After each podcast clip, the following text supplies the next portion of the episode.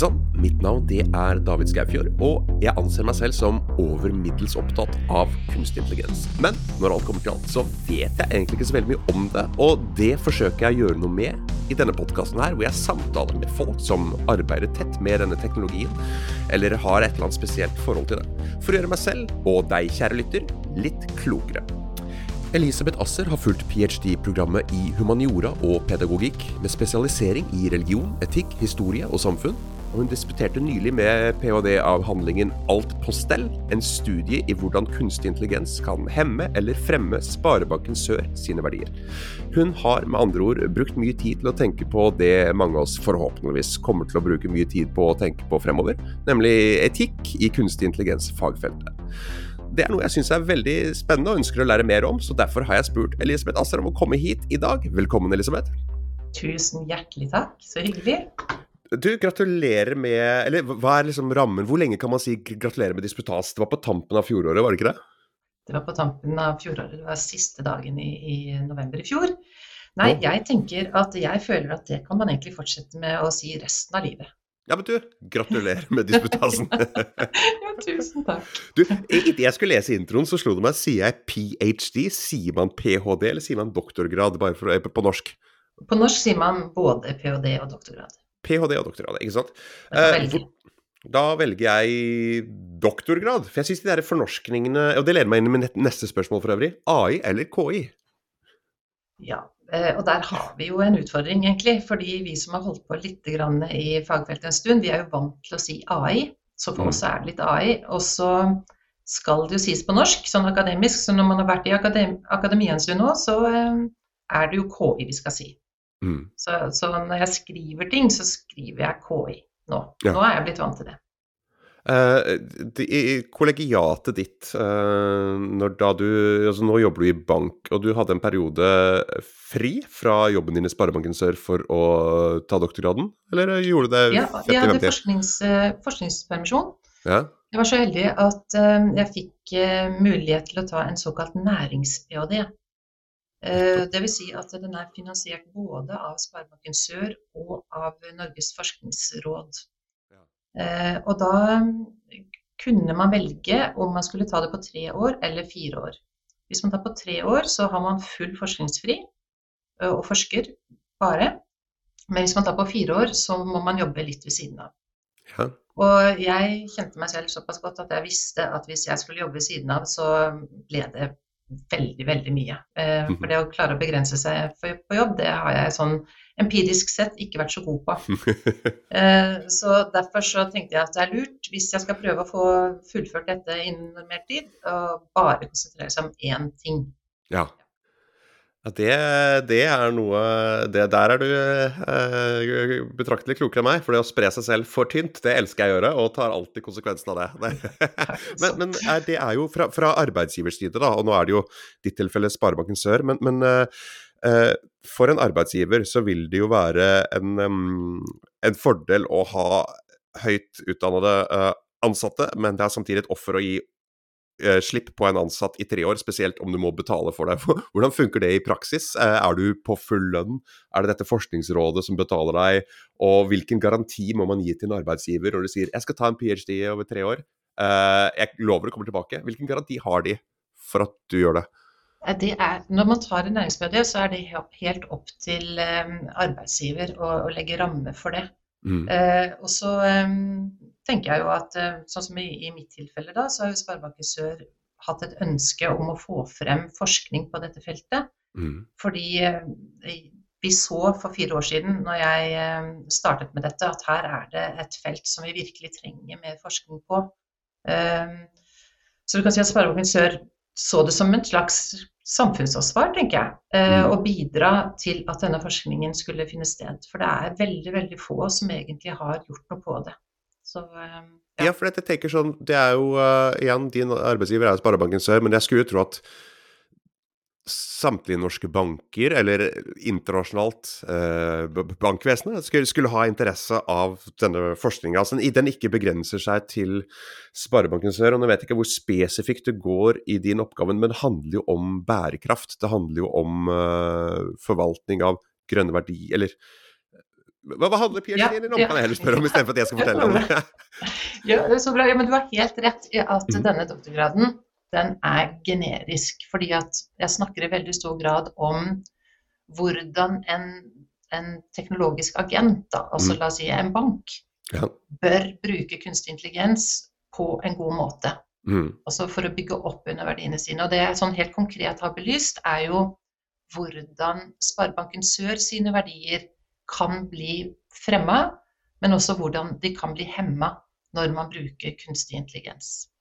Også, så jeg har brukt Sparebanken Sør som case, men, eh, som et empirisk case, men dette er eh, helt klart overførbart til alle banker. Og ikke bare banker, vil jeg si, men også de fleste næringer. Altså alle som holder på med kunstig intelligens, ja. eh, tenker jeg dette er relevant for. For det er de samme typer problemstillinger som dukker opp. Samtidig som det er noe som er litt spesifikt for en bank, da. Ja, ikke sant. Man begynner å bruke kunstig intelligens. Det er noen utslag man må være kanskje litt mer spesifikk observant på. Og De tenker jeg vi skal komme tilbake til, for jeg har jo noen ideer om hva det kan være. Det kan f.eks. være når du setter en, en, teknologisk agent til å ta en evaluering av meg, f.eks. hvis jeg skal søke om lån, så ser jeg for meg at da er det veldig greit å sette kunstig intelligens eller en algoritme på å ta de avgjørelsene. Eh, men da kan også skje, eh, skje, ting. Og du har snakka om ubalanse og, og, sikkert hva, Vi kan kalle det kanskje for fordommer av, uh, fra KI-en mot mennesker. Ja, bias kaller vi det ofte. Mm, skjevheter. Mm. men jeg hadde lyst til å bare spørre deg først, for oss lekfolk, etikk. Altså, hva, hva, hva, er det? Hva er forskjellen på juss og etikk, da, først og fremst? Hva etikk er, tenker du på? Ja, eller hva er forskjellen på juss og etikk? Ja, jo, altså Den største forskjellen mellom juss og etikk er jo at mm. juss er jo veldig sånn svart-hvitt. Hva som er lov, hva som ikke er lov. Mm. Mens eh, eh, det er jo ikke alltid sånn at selv om, selv om det ikke er lover og regler for noe, så er det kanskje ikke så lurt å gjøre det likevel. Og i det feltet så har vi etikken. Sånn at etikken, kan du si, det er det som eh, handler om å identifisere hvilke verdier som står på spill i gitte tilfeller. Eh, ja, hva, hva, hva, er lurt å gjøre, og hva, hva, er ikke så lurt å gjøre. For det er masse som, som det ikke er lover og regler for. Og særlig innenfor KI-feltet kan du si nå, så er det jo ennå ikke noe særlig regler å, å, forholde seg til.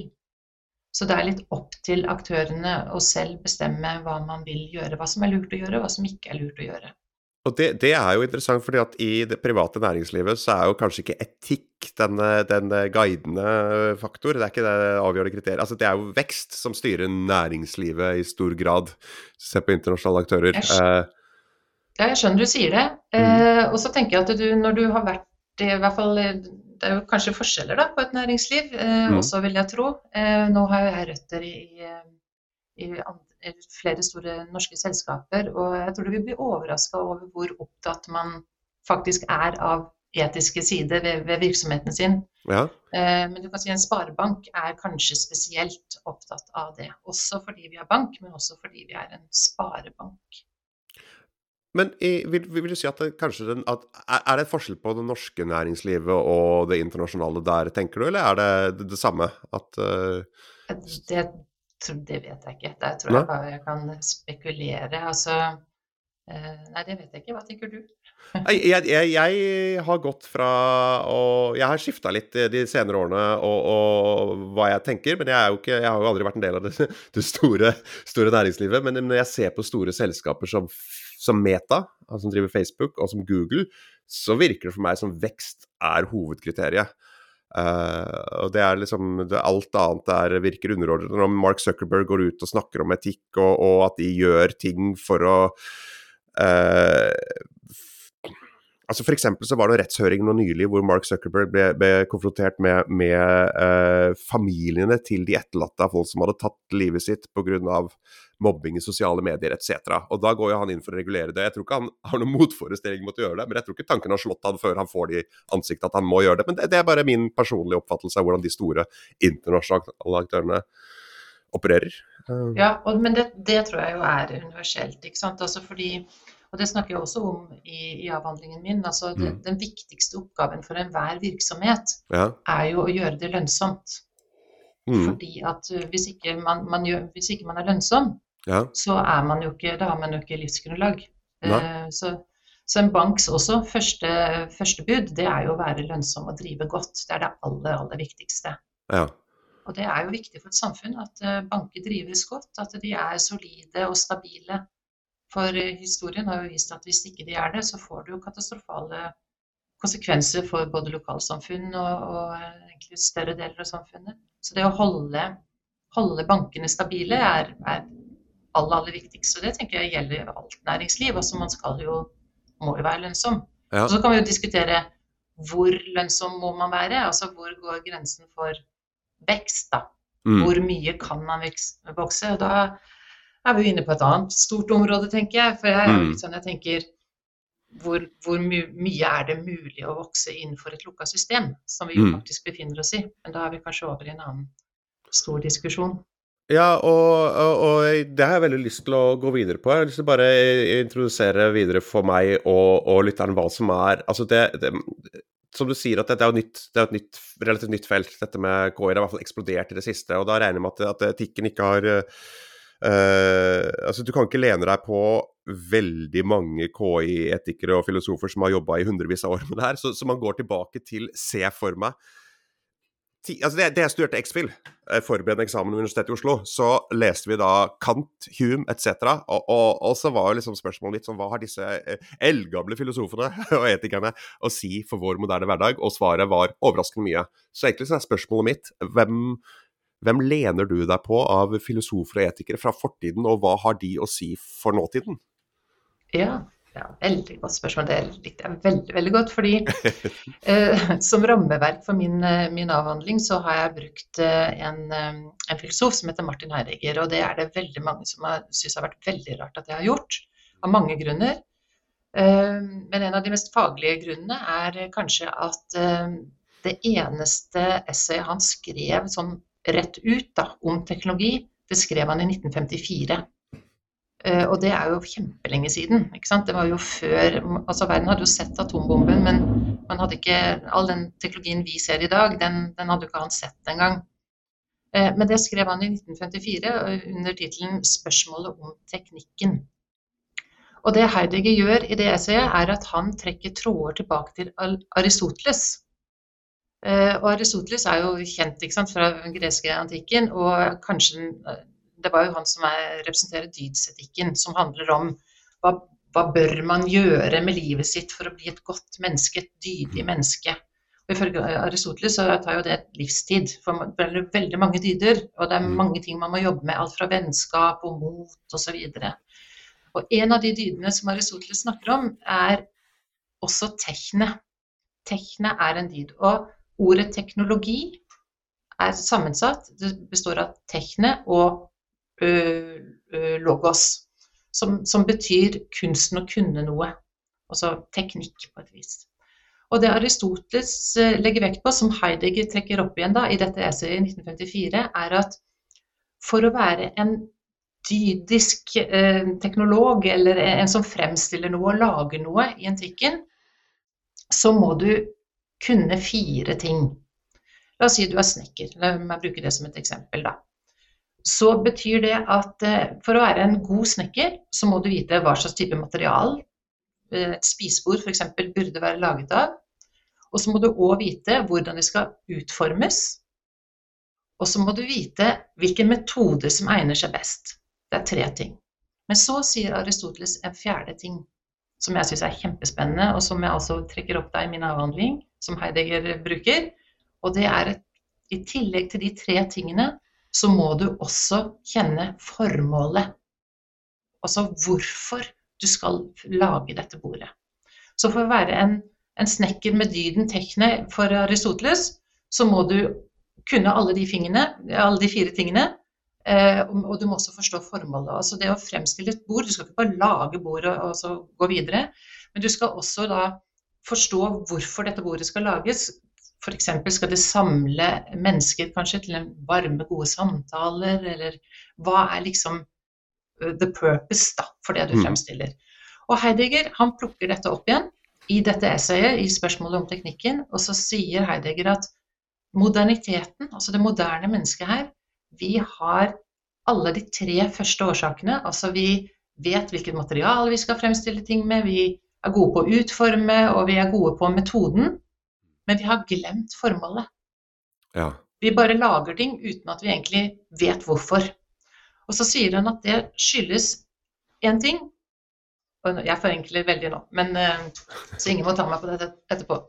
Men i hovedsak så skyldes dette én ting, og det er at teknologien, det som fremstilles i moderniteten Og da, da sier Heidegger at moderniteten er det som skjer etter middelalderen, altså fra opplysningstida da. Og vi, vi mennesker, moderne mennesker er låst fast i, i, i, eh, den måten å tenke på fra opplysningstiden. Uh, og årsaken er er da at teknologien er drevet av én verdi, og det er verdien effektivitet. Mm. Sånn at så lenge det som fremstilles eh, eh, med de tre årsakene da, viser seg å, å, være effektivt for oss mennesker på en eller annen måte, at vi kan forflytte oss raskere, spise raskere eller gjøre noe bedre på en mer effektiv måte, så settes det umiddelbart ut i verden, og så kommer de kommersielle kreftene, og så bare bruker vi det. Mm. Så Heidegger sier da at uh, i opplysningstida så skjedde det at vi som mennesker ble opptatt av å legge verdier inn i det som kan telles, måles og kvantifiseres. Eh, men, mens alt det andre eh, da som ikke kan det, det har ikke verdi. Og så bruker han eh, eksempel med et tre, f.eks. At et tre det har ikke verdi i seg selv hvis det bare står og treer, som han sier for seg selv der ute. Et tre har kun verdi når det blir hugd ned Eh, og gjort om til materialer eller brensel eller hva som helst. Og det, det mener Heidegger er, eh, er, eh, det som kanskje er faren da, med teknologien. Ja. Det, det, er ikke det at vi lager teknologi, for teknologi kan tjene oss på gode og, og dårlige måter. Det, det, handler bare om hvordan vi mennesker bruker den. Mm. Det Heidegger snakker om, er det som er farlig. Det er at vi har glemt den fjerde årsaken, vi, vi, vi har ikke en dyp forståelse av hva formålet med det vi holder på med, faktisk er. Fordi vi er låst fast i den måten å forholde oss til verden på som eh, opplysningstida førte med seg. Det var et veldig veldig langt svar på spørsmålet. Ja, men Det er utrolig interessant svar. for det, det bare, Jeg kom til å tenke på en film når du sa det her, og det var Jurassic Park. hvor de det er et sitat fra den filmen som jeg kommer til å slakte nå, men, eller som jeg kommer til å å feilsitere nå. Men jeg skal parafrasere det. Det er når jeg klona dinosaurer, og så går de dinosaurene amok, og så er det sånn forsker som har sånn, sånn realisering som Å, vi brukte så mye tid til å tenke på om vi kunne, at vi ikke tenkte noe på om vi burde. ja, ikke sant. Det er, det hele, ja, det et veldig godt eksempel, ikke sant. Fordi at ja. vi, vi, står der nå at vi kan så masse Altså det er ingenting vi ikke kan. Nei. lenger, nesten, som, som menneskehet. Og, og, så er det veldig få som diskuterer spørsmålet ja, men bør vi? Ja. Det det, du har jo, altså, du har jo uh, I hvert fall gjennom populærkulturen så har du jo da Oppenheimer som står og ser på atombomben som blir sprengt, og så siterer Bhagavad Gita og oh, jeg har I've become death, shatter of worlds altså, At plutselig, når han først ser konsekvensen av arbeidet sitt, at det, han har sånn etisk uh, oppvåkning. Han sier sånn ja, Oi, jeg, jeg har lagd noe farlig. Det her, var jo, det her burde jeg tenkt på litt tidligere. Samtidig så var han derre eh, Insentivet for å utvikle atombomben var jo at de visste at den ble forsøkt utvikla på andre siden også, og hvis vi ikke er først, hva med dem? Og det er jo litt sånn, sånn jeg opplever eh, Jo, for eksempel da, da, da det var en rekke teknologer fra Vesten som gikk sammen og sa vi må stoppe utviklingen av, vi må stoppe treningen av disse her språkmodellene i seks mm. måneder, så at, vi kan, så at vi kan catche opp, så at vi kan komme dit hvor vi liksom vet hva de består av, hvordan de funker og sånn. Ja, dette må vi gjøre. Altså, Elon Musk var en av de ivrigste pådriverne av det. Vi må, vi må, stoppe utviklingen. vi må stoppe utviklingen. To uker etterpå så lanserte han ideen om sin egen AI-modell. Det var sånn, ja. Du, Var du etisk, eller var, var, du opptatt av etikken der, eller var du opptatt av konkurransen? Og en annen ting som jeg tenker også sånn, ja, hvis Vesten setter Nå er det ikke sånn at Østen er mot Vesten, men det er jo litt sånn på noen ting. Eh, og, og hvis USA hadde sett, satt pause på utviklingen av kunstig intelligens og språkmodeller, hadde da Kina gjort det? Hadde Russland gjort det? Hadde Nord-Korea gjort det? mm, ikke sant? Og det du er inne på der, der er jo spillteori. ikke sant? Ja. Altså, Det er jo, kan jo høres helt umulig ut. Og i det landskapet der så tenker jeg at det er egentlig viktigere enn noen gang at man henter eh, inspirasjon da, fra dydsetikken. fordi at når alt kommer til alt, og vi, vi kan gjøre nesten hva som helst, mm. så handler det i bunn og grunn om ja, hva slags type menneske ønsker du å være, hva slags type ja. virksomhet ønsker du egentlig å være, eh, og, og, og, hva er handlingsrommet ditt, da. Fordi eh, du, du, må jo bruke teknologien. For jeg, ikke, jeg, ønsker ikke nå å fremstå som noe luditt, som det kalles. Altså en som ikke tror på eller ønsker eh, teknologi, for jeg er veldig pro teknologi. Mm. Eh, det eneste jeg, jeg nå eh, tenker og ønsker å forfekte litt, er at vi må forstå hva kunstig intelligens som et veldig kraftig, kraftig verktøy er, hva det gjør med oss mennesker, og mm. hvordan det former verden. For det er jo ganske heftig da, når disse gutta, ikke sant, for det er, det er jo i stor ja. grad det det er, mm. sitter på disse mektige teknologiene og bare kan slippe de når de finner det for godt, og tre de over hodene våre. Og vi sitter der fanga i spillteori og tenker ja, men hvis ikke jeg bruker det, så vil jo naboen bruke det. Og hvis ikke vi som bank bruker det, så vil jo de andre bruke det. Og så blir man jo utkonkurrert. Mm. Så, så, det at denne teknologien her, som den er såpass kraftig som den faktisk er, så er det må reguleres, rett og slett. Ja. Og mens vi venter på reguleringen, så kan vi ikke gjøre annet enn å appellere til eh, virksomheter og, og, egentlig enkeltpersoner om gjør så godt du kan. Da. Ha gode intensjoner med det du gjør, med det du lager. Men kan, man ikke det? Kan man ikke Vil ikke uh, Ja, altså Dette har jo vært et problem så lenge internett har eksistert. At USA trodde jo internett var amerikansk og forsøkte å regulere det, og så viser det seg at det går, det, det går, Du kan regulere en liten del av det, men du, du har jo allikevel instanser uh, altså Du har myndigheter. Norske myndigheter har vel et ansvar her, har, har de ikke det? Å regulere norsk uh, AI-teknologi. Hva, hva, sa du nå? altså, norske myndigheter har vel en, et ansvar her ved å, å, for, for, å, formynde til en viss grad norsk AI-teknologi. Uh, har de ikke det? Eller har de, har de, har de, er det, er mulighetsrommet her? Kan myndighetene ja, regulere? Ja, jeg tenker jo absolutt, absolutt det. Uh, og der er vi jo flere som snakker om det. At myndighetene og politikerne må på banen. altså Dette må reguleres sånn mm. at uh, det ikke blir opp til den enkelte aktør å, å regulere seg selv. Mm. For det å være god på selvregulering, det jeg for min egen del syns det kan være utfordrende nok, jeg, i mitt eget ja. liv. altså, altså det er liksom, eh, og i hvert fall som virksomhet, som du også var inne på litt sånn tidligere, så uh, man har behov for å vokse og, og bli solid og, og en, en, sterk virksomhet, for da vet man at man er levedyktig uh, og, og, tjener godt med penger. Mm. Uh, og vil, sånn er, de, er markedskreftene. Det er sånn det er. Så, så, man trenger noen som står utenfor nå med, med ja. denne teknologien og sier dere kan få lov å bruke teknologien på denne og denne måten, men ikke sånn og sånn. Dette er jo, føler jeg, som sakens kjerne også. Og selv de mest frie markedene vi kjenner til, reguleres jo og bryter opp monopoler og sånn, for det er ikke positivt for det frie markedet. Mm, at du har en giganter. Så selv de, de, mest liberale, libertarianske idealer er for en viss form for regulering, dog ikke nødvendigvis sterk eh, regulering fra myndighetenes side. Men jeg, jeg har gått liksom runden der fra å tenke som ung teknologiinteressert at open source og, og, vekst er veldig positivt, til å tenke at her må, det, her må noen inn, voksne inn på banen og, og mene ja. noe.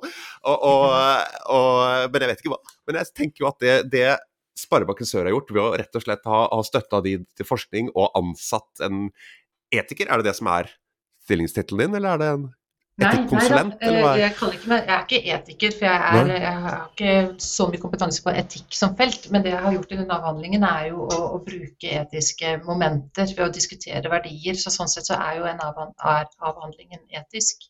Eh, men, men tittelen min er eh, nå er den bærekraftsansvarlig i Sparebanken Sør bærekraftsansvarlig, hva vil det si? Vil det si at, det er, at Sparebanken Sør skal være liksom, som bedrift bærekraftig, eller vil det si at de skal være gagne miljøet? Hva betyr bærekraft i banksammenheng? Det er begge deler. Det er det, ja? Eh, ja. Og mm. det som jeg syns er så utrolig spennende og bra med denne stillingen her, det er for det første så får jeg jo brukt avhandlingen og det arbeidet jeg har gjort der, fordi teknologi er jo viktig i det grønne skiftet. Eh, men, men, kanskje først og fremst spennende fordi at eh, de fleste tenker jo på eh, oss som bank. Vi har noen kontorer, og vi, vi kjører og vi reiser litt. Og, og at det, det handler om å redusere eh, vår påvirkning på karbonutslipp osv. på den måten. Mm. Men, men, det er, og det er kjempeviktig, det. Det skal vi jo gjøre, og det holder vi på med og har gjort i, i flere år allerede. Eh, men det som nå skjer med i EU, eh, med noe som kalles taksonomi og et regulativ som heter CSRD, er at vi er ikke lenger bare ansvarlig for vårt eget utslipp. Vi må også ta inn kundene våre sitt utslipp i vårt regnskap. Og det blir vi stilt til ansvar for. Så det vil si at det EU gjør nå, og det er jo helt genialt, det er jo å bruke bankene som middel for å vri kapitalstrømmen mot et grønt skifte. Ja. Sånn at vi, vår, vår, største jobb nå fremover, det blir å se på kundene våre, se på porteføljene våre, analysere og finne ut hvilke kunder er for brune, hvordan kan vi jobbe med de for å hjelpe de til å bli grønne. Eh, og hvordan kan vi sikre at porteføljene våre kan stå i det verden nå møter i 2030 og 2050. Hvordan, hvordan da, kan dere se om de er brune eller grønne? Er det for at du ser at ah, vi har Ugland, og de er en kjempebedrift, og de Eller er det at du ser på, ser du på privatpersoner eller store bedrifter, og bare nei, googler det, det, du dem, eller? Nei, nei. nei. Det, dette er jo virksomhetene, og det er jo hva virksomhetene som Altså næringslivet, da. De, mm. de næringsvirksomhetene vi, vi, er med og finansierer. Mm. Det, det, dreier seg om hva slags karbonutslipp og, og ja. avtrykk de har. Og alle blir jo pliktige fremover nå å, å ha reelle regn, klimaregnskap ja. på sin egen virksomhet.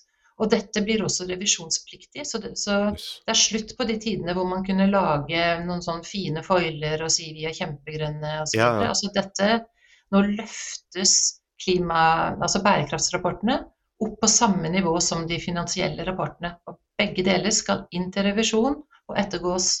Og ikke nok med det, men vi som virksomhet, og, og alle virksomheter, vi må også lage planer, altså såkalte transisjonsplaner. Altså transition, altså for å få til det grønne skiftet, da.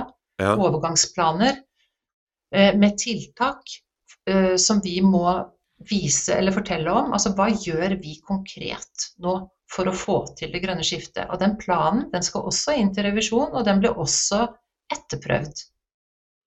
Så det, dette er jo en genial eh, måte ja. som EU nå har satt i gang for å få skrudd til det grønne skiftet. Altså dette blir, Det er ikke ja. valgfag lenger. Tidligere har det vært valgfag. ja, ikke sant? Jo, men, men det har seriøst Lett å velge bort. For, lett å velge bort. Man ja. har ikke ansett det for å være eh, forretning, da. Men Nei. nå blir det forretning. Nå går det inn i strategiene våre. Vi må ja. tenke hvilke, hvilke, kunder skal vi ha, hvilke kunder bør vi ha? Ja. Eh, hvordan kan vi sikre at vi kan få de porteføljene som er solide og gode ja. for, eh, for, den tida vi faktisk går i møte. Da. Ja, ikke sant. Og det er jo eh, det er jo uh, veldig interessant. Altså At det kommer ovenfra, at det som sier at det ikke blir valgfag, er veldig positivt. For hvis én bank alene skal stå i det her, så er det sånn Ja, men da, da går vi til Sparebanken Nord, er hvis Sparebanken Sør ikke kan, kan støtte ja, denne våpenindustrien her. Ja, ja men, men ikke sant. Altså det, det, det, er jo et sånn godt eksempel på at uh, her, går man, her, går myndighetene inn i et mm. område mm. som har vært vanskelig å regulere, lager regler. Uh, og tilsvarende burde vært på kunstig intelligens. Mm. det, det, det, er jo på trappene. Det kommer jo mm. til å komme. Uh, men enn så lenge så, så, er det i hvert fall et par år frem i tid før vi i Norge får et lovverk på kunstig intelligens. Ja, det er det nok, men og da, da, da, virker det som for meg som igjen som lekperson at eh, etikken kommer før jussen her, da. For at jussen må de, de, skal konstruere et regelverk eh, av viss kompleksitet. Og det er jo Dessverre ser jeg for meg Min fordom er at det er folk i en viss alder. Så jeg så de her igjen, der deres eh, Zuckerberg-høringen og sånn. Så er det sånn Ja, Zuckerberg er jo i teorien skurken her, men, men de, de, folka som, som, gjennomfører høringene, er så inkompetente og så avdanka og så uopplyste at jeg heier på ham fordi at de er så dumme. De skjønner ikke, de skjønner ikke hva de spør om. De bare sier det med streng stemme. Uh, men uh, hva, hvor kommer kunstig intelligens Altså En ting er at, at, dette rammeverket også må gjelde kunstig intelligens, men hvor kommer kunstig intelligens inn i bærekraftig forvaltning? Hvordan kan man bruke det der? Ja, nei, men det, det, handler jo om at uh, kunstig intelligens, hva, hva, er egentlig kunstig intelligens? Kunstig intelligens er teknologi, som jeg var inne på. Og hva er teknologi? Jo, det er verktøy. Uh, så det som uh, det, Du kan si at når, hvis bærekraft er en stor, kjempestor sirkel, Mm. og så har du kunstig intelligens som også er en kjempestor sirkel som fagområde, så tangerer de hverandre litt sånn lite grann. Mm. Eh, men eh, kunstig intelligens eh, skal jo brukes for å realisere det grønne skiftet som et verktøy. Da. Altså hvor Mm. kan vi bruke den teknologien for å få fortgang? Og her er det òg liksom viktig å holde tunga sånn rett i munnen, fordi selv om noe eh, kan vise seg at, at, vi kan digitalisere noe eller vi kan effektivisere noe ved hjelp av kunstig intelligens, Ja. eh, og sånn at vi f.eks. kan minske reisetid, eller at sånn kundene kanskje slipper å reise, og ja, vi kan gjøre ting digitalt, da.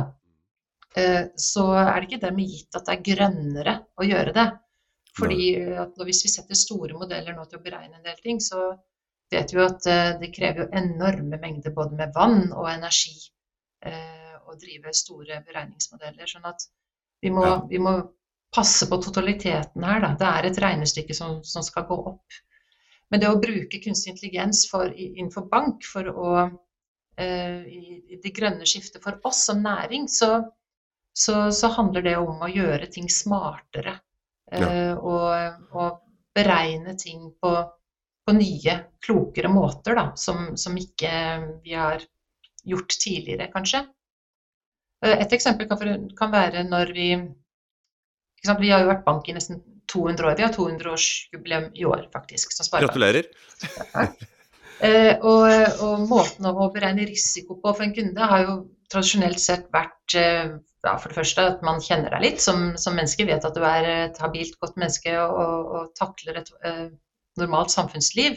Men også selvsagt hva du eier og eh, vi har tatt pant, hva vi har tatt pant i.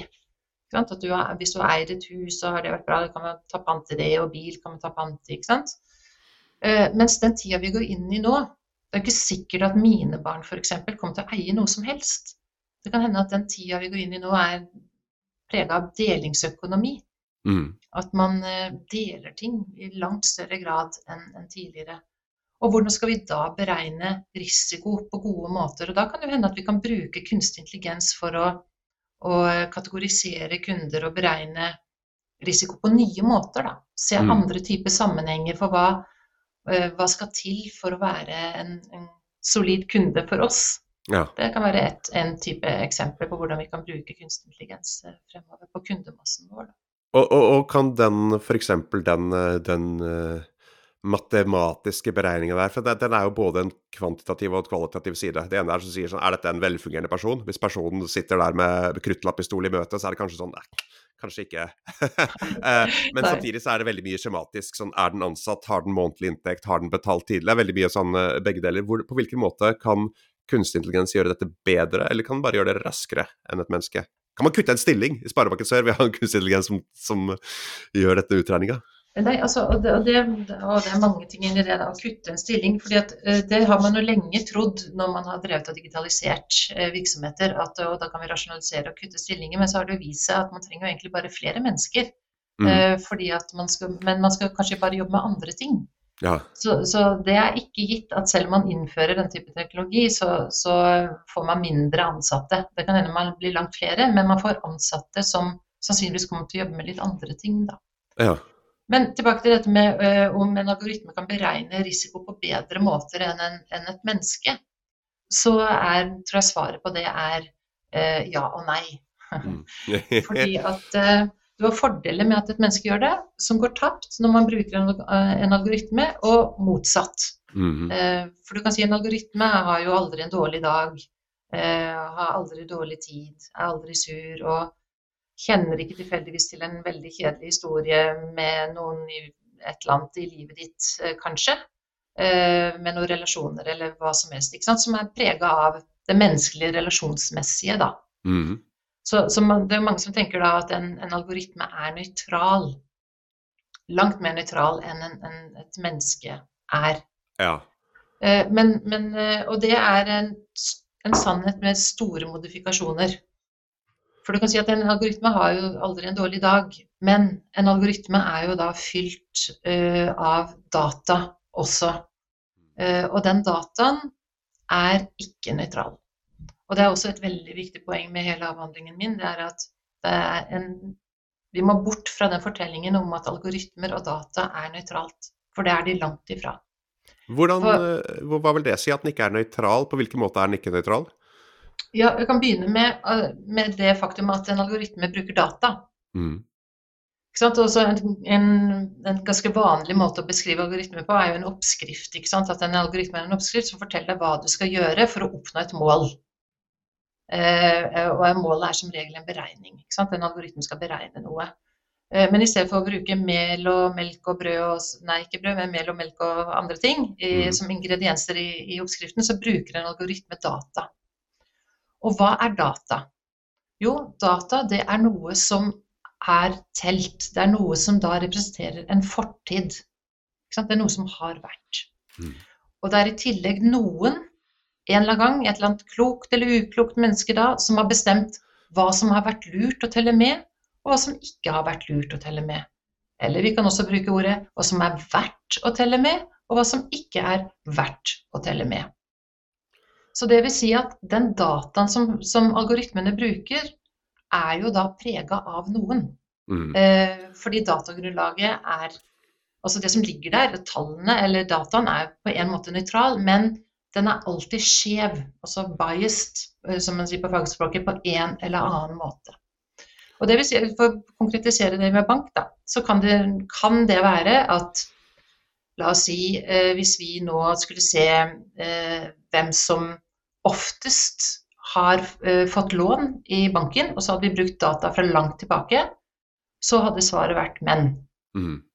Og da hadde kanskje en algoritme tenkt at ah, men da er det jo menn som er gode kunder. Det er det banken vil ha, for det har banken tidligere definert som suksess. Ikke sant? Men så er, er, jo hele poenget da at uh, årsaken til det er jo fordi at det var kulturelt sett sånn i gamle dager. At mm. menn var kontaktpunkter inn mot finansene. Det var menn som var ute og jobba, ja, du vet, ikke mm. sant. Gikk til banken. Mens, uh, så, så, det vi skal være veldig klar over når vi jobber med algoritmer, det er at den dataen som brukes, er alltid preget av noe eller noen, og er en kulturell fortolkning på en måte av den samtida vi er inne i, vi ja. lever i. Og, og hvordan, hvordan angriper man dette her, da? Gjør, man, forsøker man å utbalansere ved å f.eks. mate med data med de siste 10-20 årene, eller forsøker man å opplyse algoritmen på en eller annen måte om at, at denne skjevheten eksisterer, altså som selvbevisstgjøring, eller har det et menneskelig element som må fortolke disse dataene og, og da sparre med spare med i algoritmen, på en måte? Ja, det er veldig, veldig, gøy at du sier akkurat dette. Fordi at uh, det, er jo, det, er ikke så mange som har kommet så langt ennå. Det er ikke så mange som, som jobber med det uh, på en etisk god måte. Uh, sånn at de tingene du nevnte der, er jo ting som man bør gjøre når man jobber med kunstig intelligens mm. og setter algoritmer ut i verden. Så bør man alltid, som en, en god aktør, da, se på det resultatet, og så må man stille spørsmålet hva er det vi ikke ser her? Ja. Kanskje, kanskje, hvis en bank hadde gjort det, da, øh, og da burde banken sett på alle avslagene. Så burde man sett på hva er det vi ikke ser her på alle de avslagene? Hvorfor er det nettopp denne gruppen som får avslag? Mm. Og begynt å systematisere det, og så si at å ja, men det er jo fordi datagrunnlaget vårt er sånn og sånn. Her må vi jo tilbake og tune. Her må vi balansere datagrunnlaget vårt på en eller annen måte. Så det handler jo om at hvis man jobber med algoritmer på den måten, så, man, så, gjør man det på en god måte. Det, det er ett av de 13 rådene jeg kommer med på slutten ja. av avhandlingen min. Ja. Mm. Nei, ikke, for at det, det, Med en gang du sier at den diskriminerer på grunnlag av kjønn, på grunnlag av historikk, så er det en annen ting som jeg automatisk tenker det er at den kan være litt rasistisk. fordi at hvis du ser hvor mange med, som ikke er født i Norge, f.eks., som har kommet hit senere, som får lån, så vil jeg tro at det er betraktelig færre av dem rett og slett fordi at det er færre av dem, og fordi at mange av dem ikke har nødvendigvis fått jobb med en gang, og dermed ikke hatt den økonomiske stabiliteten til å betale tilbake. Og da, da har man jo blitt diskriminert på, ikke på grunnlag av etnisitet eller kultur, men samtidig, det er jo et overlapp der. Med, med det. Uh, og hvis den da skal fortsette å diskriminere, hvis den finner at visse etternavn eller fornavn Hvis den finner ut at ja, etternavn eller fornavn med etnisk slang er uh, tradisjonelt sett har fått mindre lån, så vil jo den være i, i praksis rasistisk. Uh, Helt åpenbart, og det, det, du er rett inne i kjernen der. Mm. Uh, for det du er inne på der, det er jo det vi kaller for uh, relevant eller ikke-relevant diskriminering. Mm. For du kan si at det er jo hele kjernen til en algoritme. Den skal jo på en eller annen måte forskjellbehandle. Det er jo det den holder på med. Ja, det det. Fordi at den sorterer i data, så definerer den noe som innenfor og noe som utenfor. Det er mm. det den skal gjøre. Og så er jo da oppgaven for de som jobber på gode måter med dette, hvis man ønsker å være god aktør da, det er jo å nettopp se på utslaget eller hva på beregningen på slutten, ikke sant? det mm. algoritmen kommer ut med. Er de som har fått avslag f.eks. her nå, eller havna i den kategorien, er det på et relevant grunnlag, eller er det på et ikke-relevant grunnlag? For det kan jo ikke være sånn at la oss si at du bor på et postnummer som tradisjonelt sett har vært Du har mange dårlige naboer, da. ikke sant? Mm. Eh, som da har vært uheldig med betalingen sin. Eh, mens du er jo ikke det. Nei. Eh, men en algoritme kunne jo fort da, hvis du hadde søkt om lån og du hadde lagt inn den adressen, så kunne algoritmen tenkt at nei, dette sannsynligvis, sannsynligheten er stor for at dette er en som ikke kan betale. Mm. Og, hvis hadde, og du hadde fått avslag på bakgrunn av det, så hadde det vært et avslag på ikke-relevant grunnlag. Fordi at selv om du har selv om du har dårlige naboer, så skal ikke det gå utover deg. Nei. Ja, Men det er jo nyttig si. Det, det, er, det, er, jo nyttig statistikk for banken å ha. Ja, ja. ja. Men, men det, skal jo ikke, det skal jo likevel ikke gi den form for utslag. Men i det store og det hele så er vi jo statistikk. Altså sånn, Når vi runder oss opp eller ned, så er vi jo det. Og det er det mest forferdelige du kan si til en individ, er at du statistisk så er du sånn og sånn, og av og til så vil jo det sikkert stemme, og av og til så Eller oftest vil ikke gjøre det, for det, det frarøver oss hele uh, vår uh, identitet som individer. Uh, men, men jeg, bare, jeg, klarer ikke helt å gi slipp på den der forskjellsbehandlingen. Jeg tenker for eksempel sånn, jeg vet jo, jeg har en positiv statistikk, det er at, at iransk nordmenn har høyere grad av sysselsetting, mener jeg. Jeg har lest en gang at de har høyere grad av sysselsetting enn uh, etniske nordmenn. Uh, og, på, og, og, og om, det, om, det, bare er en påstand, da, så la oss, la oss si at de har det. Så det vil si at de, i teorien så er ira, iranske flyktninger, eller iranske tredjegenerasjons innvandrere, andregenerasjons, bedre betalere. Uh, rent statistisk fordi at de har høyere grad av sysselsetting altså, igjen, det er bare påstand for meg, men hva med liksom ukrainske flyktninger som kommer og har kortere historikk med å bo i Norge, mange av de, og kortere historikk med lån, ville da en algoritme si iranere er bedre enn ukrainere? Altså, er, er, det dette, denne type resultater vi får? Nei, nei, altså dette kan jo skje, helt mm. åpenbart. Og, og, det er også noe av det som jeg løfter frem i avhandlingen. Eh, viktigheten av at vi jobber tverrfaglig med dette. fordi at hvis man setter bare teknologer til å beregne og lage algoritmene slavisk, så er det denne form for utslag vi vil få. Mm. Men eh, vi trenger også eh, å sette sammen mennesker som stiller disse spørsmålene, og som har dette overblikket, og som er med og justerer datagrunnlaget ja. til algoritmene kontinuerlig. Er det din jobb? Er det, eller er det andre, eller bevisstgjør du de kundebehandlerne i banken på dette? Er det det som er din jobb? Eller, hvordan, ja, altså, er din arbeidshverdag, er det egentlig jeg lurer på? Ja, ja, eh, den er jo litt todelt nå, da. Eh, mm. Fordi jeg driver nå og, og, jobber med avhandlingen og etterspillet der. Som å snakke med deg, f.eks. Ja. Eh, men, men, samtidig også da å, å jobbe med bærekraft i, i banken. Men ja, så det handler jo nå om i stor grad å løfte bevisstheten rundt dette. Og det å mm. rigge egentlig organisasjonen rundt denne nye teknologien, da. For dette er jo nytt både for oss og for de aller, aller fleste andre ja, virksomheter. Virkelig. Det er mange som har mange gode tanker om hvordan man kan bruke teknologien, men det er ikke så veldig mange som har implementert det sånn ordentlig i, i virksomheten sin. Så det syns jeg var litt sånn kult når jeg fikk lov å begynne med dette forskningsarbeidet. Da. Det var jo at banken, Sparebanken Sør sa det at ja, før vi, vi ser dette kommer, men før, før den teknologien bare ruller over oss, så må vi vite hvordan vi skal håndtere den. Ja. Eh, vi, må, vi, må, kjenne litt til formålet. Eh, ikke sant? Eh, en fjerde årsak, da. Man snakker jo veldig mye om dette med, og jeg har til og med henfalt til den klisjeen selv i løpet av denne episoden, at eh, KI tar jobbene våre. Og, og, For noen stillinger så vil jo selvfølgelig forsvinne når ny teknologi kommer inn, men det virker som det også vil oppstå nye. Og, og, og, akkurat det du jobber med, er jo, det er en, det er en, det er en, jobb jeg aldri har hørt om før. Det er en stilling som jeg syns er fantastisk at finnes, og, det at Sparebanken Sør selv tar initiativ, initiativ til å opprette den stillingen i banken, eller omformer din stilling, det er jo veldig inspirerende, for da tenker jeg kanskje de store hotellene burde ha noe interesse av det her. Kanskje altså, um, reiseliv burde definitivt ha det. altså Når du ser hvordan, hvordan reiselivsindustrien tradisjonelt sett har f.eks. kunnet uh, uh, kunnet surfe på ting som ikke er miljøvennlig. Uh, fordi at ja. avkastninger etc. Så, så, det å opprette en Hvor går veien videre her? Altså, tror du at det vil oppstå en, en, en egen bransje som er etikkonsulenter, som blir innleid? Tror du store norske selskap kommer til å ansette flere som deg? Hva, hva skjer her? Ja, det var et vanskelig spørsmål, syns jeg. Altså, jeg merker jo at det er veldig stor etterspørsel etter innsikter nå.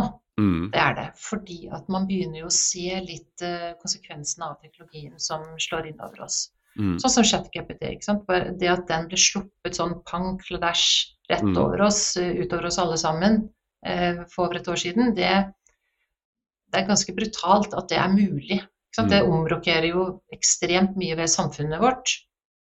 Uh, så ja, jeg, jeg, jeg, vet ikke om det kommer til å oppstå en stor ny nisje innenfor etikere. Jeg håper jo det, fordi er det mm. noe vår tid trenger nå, så er det uh, mennesker som reflekterer mer om hvorfor vi holder på som vi gjør, og som kan bidra kanskje i arbeidet med å snu uh, de mastodontene da, uh, av virksomheter som har holdt på med ja. effektivitet og vekst som kanskje de eneste verdiene. Mm. så vi trenger noen andre verdier, vi trenger noen nye verdier. For det er òg et poeng som jeg har lyst til å, å understreke her, det er at effektivitet er ikke en såkalt endelig verdi, som jeg også skriver i avhandlingen. Eh, og med det mener jeg at man kan ikke si om effektivitet egentlig er bra eller dårlig. Man kan bare si at det er effektivt. Sånn som Hitler, f.eks. Han var jo kjempeeffektiv. Ja. Veldig mye. Men vi er jo alle enige i ettertid at det han holdt på med, altså f.eks. drepe systematisk, mm. det gjorde han veldig effektivt. Men det var jo ikke bra. Nei. Sånn at effektivitet er en instrumentell verdi for å oppnå noe annet. Han glemte punkt nummer fire. Ja, ja, ja, nei, nei, han hadde Eller han hadde et punkt nummer fire som var spekulativt. Han hadde et punkt nummer fire som var veldig spekulativt, ja, ikke sant? men det var dårlig. Men, poenget er at du, må ha et godt formål, da. Mens en endelig verdi, altså forskjellen på det er to forskjeller, Du har eh, instrumentell verdi, og så har du endelig verdi. En endelig verdi, et eksempel på det, er rettferdighet. Mm. For du kan aldri diskutere om rettferdighet er bra eller ei. Rettferdighet er alltid bra i seg selv.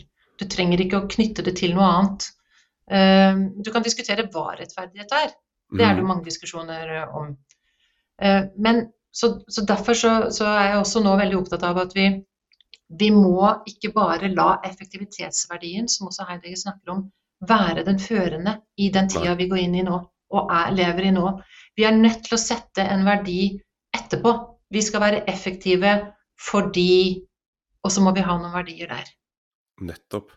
Hvor, og, hvor kan Oi, beklager. Eh, hva sa du? Nei, ja, nei, fordi eh, Og dette ligger meg veldig på hjertet, og for det handler om hvilken rolle jeg har også i denne banken. ikke sant? Fordi at vi skal nå forlate et paradigme som vi har vært innenfor, og som vi har uh, operert innenfor. Alle virksomheter har tenkt at vekst Go for it, liksom. Mm.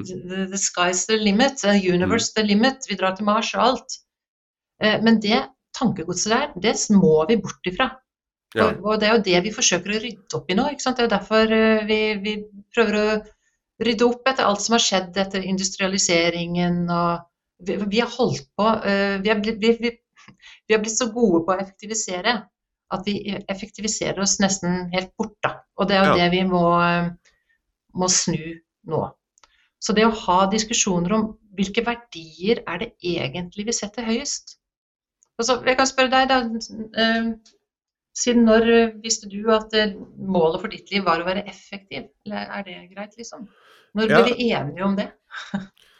Nei, det, det, det, henger jo veldig sammen med, med næring, da. Og, og jeg, for eksempel, hvis, hvis, du spør meg, så kan jeg bruke meg selv som eksempel her. Og jeg, jeg jobber jo i liksom, kultursegmentet. Eh, eller, eller media. Media, kultur. Krysningspunktet der. Og da starta jeg med et ønske om å lage ting jeg selv syns er gøy å se.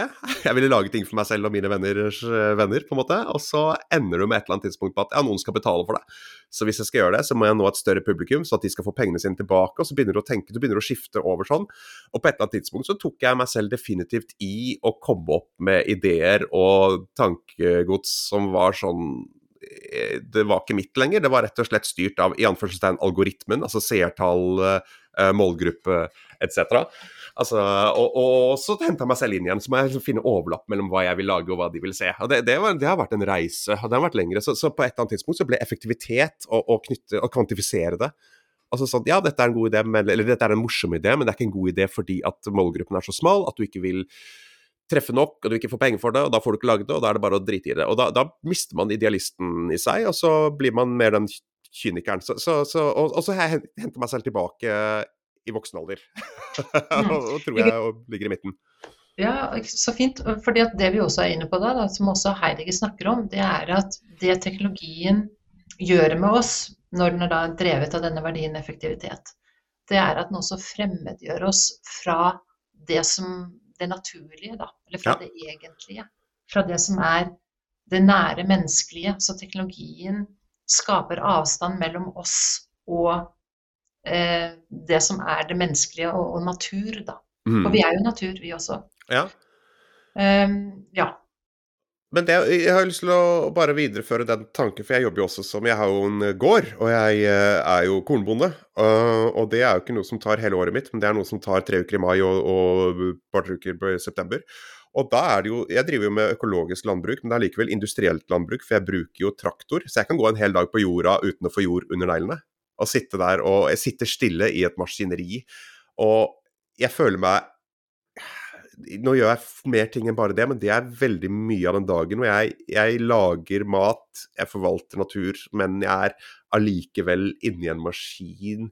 Så jeg føler meg nærmere naturen jeg får basilikumen til å gro på kjøkkenet og graver nedi den og plukker og, og, og sånt, enn når jeg kjører rundt med en traktor på, på jorda. Så, så jeg, jeg egentlig bare bekrefta det du sa for min ja. egen del. Uh, jeg er jo um, Jeg, jeg syns jo dette er veldig interessant. og igjen, som hele premisset for podkasten her, vet veldig lite om det, men har lyst til å lære mer. Og du nevner Heidegger. Eh, hvis du skulle gitt meg en leseliste, eller hvor, hvor kan jeg starte og, og med å lære meg å det eh, tankegodset som skal til for å forholde meg til denne teknologien på en konstruktiv måte for meg selv og menneskeheten. Oi, ja, det, det, var svært.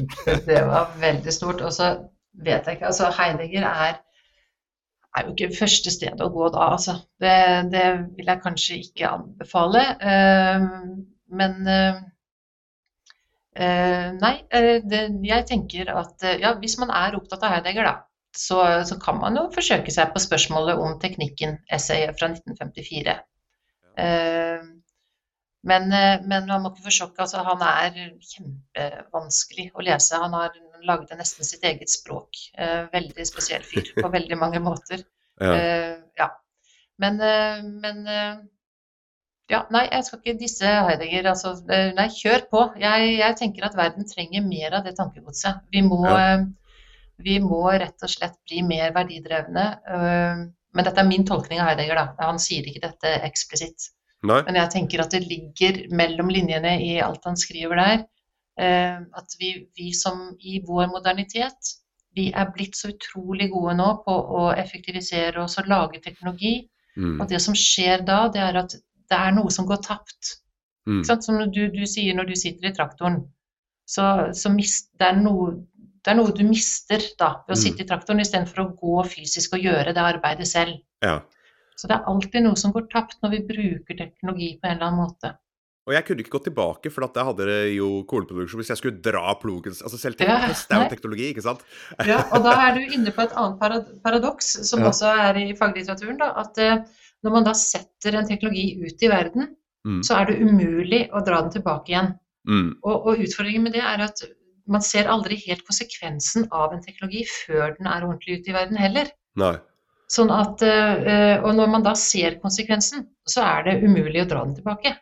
Og det er, du, kan, bilen f.eks., da. Når ja. den kom, ja. så var det vanskelig å se for seg alt det veinettet den kommer til å trenge. at Bensinstasjoner må vi ha, og ladestasjoner må vi ha.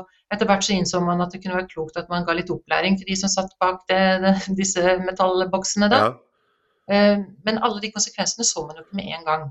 Det er jo ting som har kommet. Veinett og hvor mye plass man trenger, parkeringshus, og byene ble jo gjort helt om.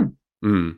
Og sånn er det med all teknologi. Altså man, den som settes ut i verden. Man, man ser ikke konsekvensene før den har virka en stund ut der ute. Og når den er, da har virka en stund, så er det umulig å ta den tilbake. Som f.eks. med Facebook. da. Ja, skulle til å si det. Sosiale medier. Og du ser jo, jeg så jo korrelasjon mellom framveksten av sosiale medier og selvmordsforsøk blant unge mennesker. Og den var Altså, korrelasjon kan være en indikator, det kan også være en ekstern ja, Alle som har studert statistikk, vet jo at uh, korrelasjon betyr ikke nødvendigvis en én-til-én-sammenheng, men korrelasjonen mellom selvmordsforsøk blant tenåringer og fremvekst av sosiale medier var som én til én. Og, og, og, det er i hvert fall noe som gjør at man bør se på det. og Det var jo ikke noen etniske retningslinjer rundt, eh, rundt dette med sosiale medier. Det kom, teknologi kom, men det var ingenting ulovlig med det. og så er det helt tydelig at det bør reguleres uh, når du får alt det noen som helst i verden mener dytta. Altså, hvis en ung jente med selvmordstanker får dytta på seg liksom Hei, kanskje du vil bestille disse barberbladene og se disse selvmordsmusikkvideoene. Uh, hvis du får anbefalt det fra, fra, Instagram, så er det noen som bør gå inn og regulere. Hvis ikke Meta gjør det selv. Det er helt absurd. Og, og, det er en problemstilling som jeg tror ikke de selv var klar over. fordi Nei. de vil jo aldri sittet og foreslått det, men igjen, det er jo algoritmen som bare ser hva hun er interessert i, og hva hun responderer på. Og da nærer opp under det, istedenfor å rope en alarm eller vise henne kattunger og hyggelige ting, ikke sant, som burde være det hun ikke det hun søker etter, men kanskje hun burde se. Jeg, jeg, jeg, vet så lite om det her, og det er liksom Hvor foregår den, disse etiske Hva er liksom fora Hvor foregår denne, disse diskusjonene nå? Er det på universitetene? Er det på, rundt kaffekoppen på Sparebanken Sør? Er det på uh, noen podkaster jeg ikke vet om? er det bare Heidegger? Nei, nei, nei, det er det jo absolutt ikke. Det er mange etiske fora. Men, men jeg tror òg at uh, det er ikke så mange som diskuterer disse spørsmålene, nettopp fordi at det er det du egentlig starta med òg, det er de innledende kommersielle kreftene. Det er noen som skal tjene penger et eller annet sted, alltid. Mm. Uh, og, og, de har det som det høyeste verdi. Og, og f.eks. pushe på dårlig materiale på sårbare mennesker. Uh, det er jo også det er jo ikke bra.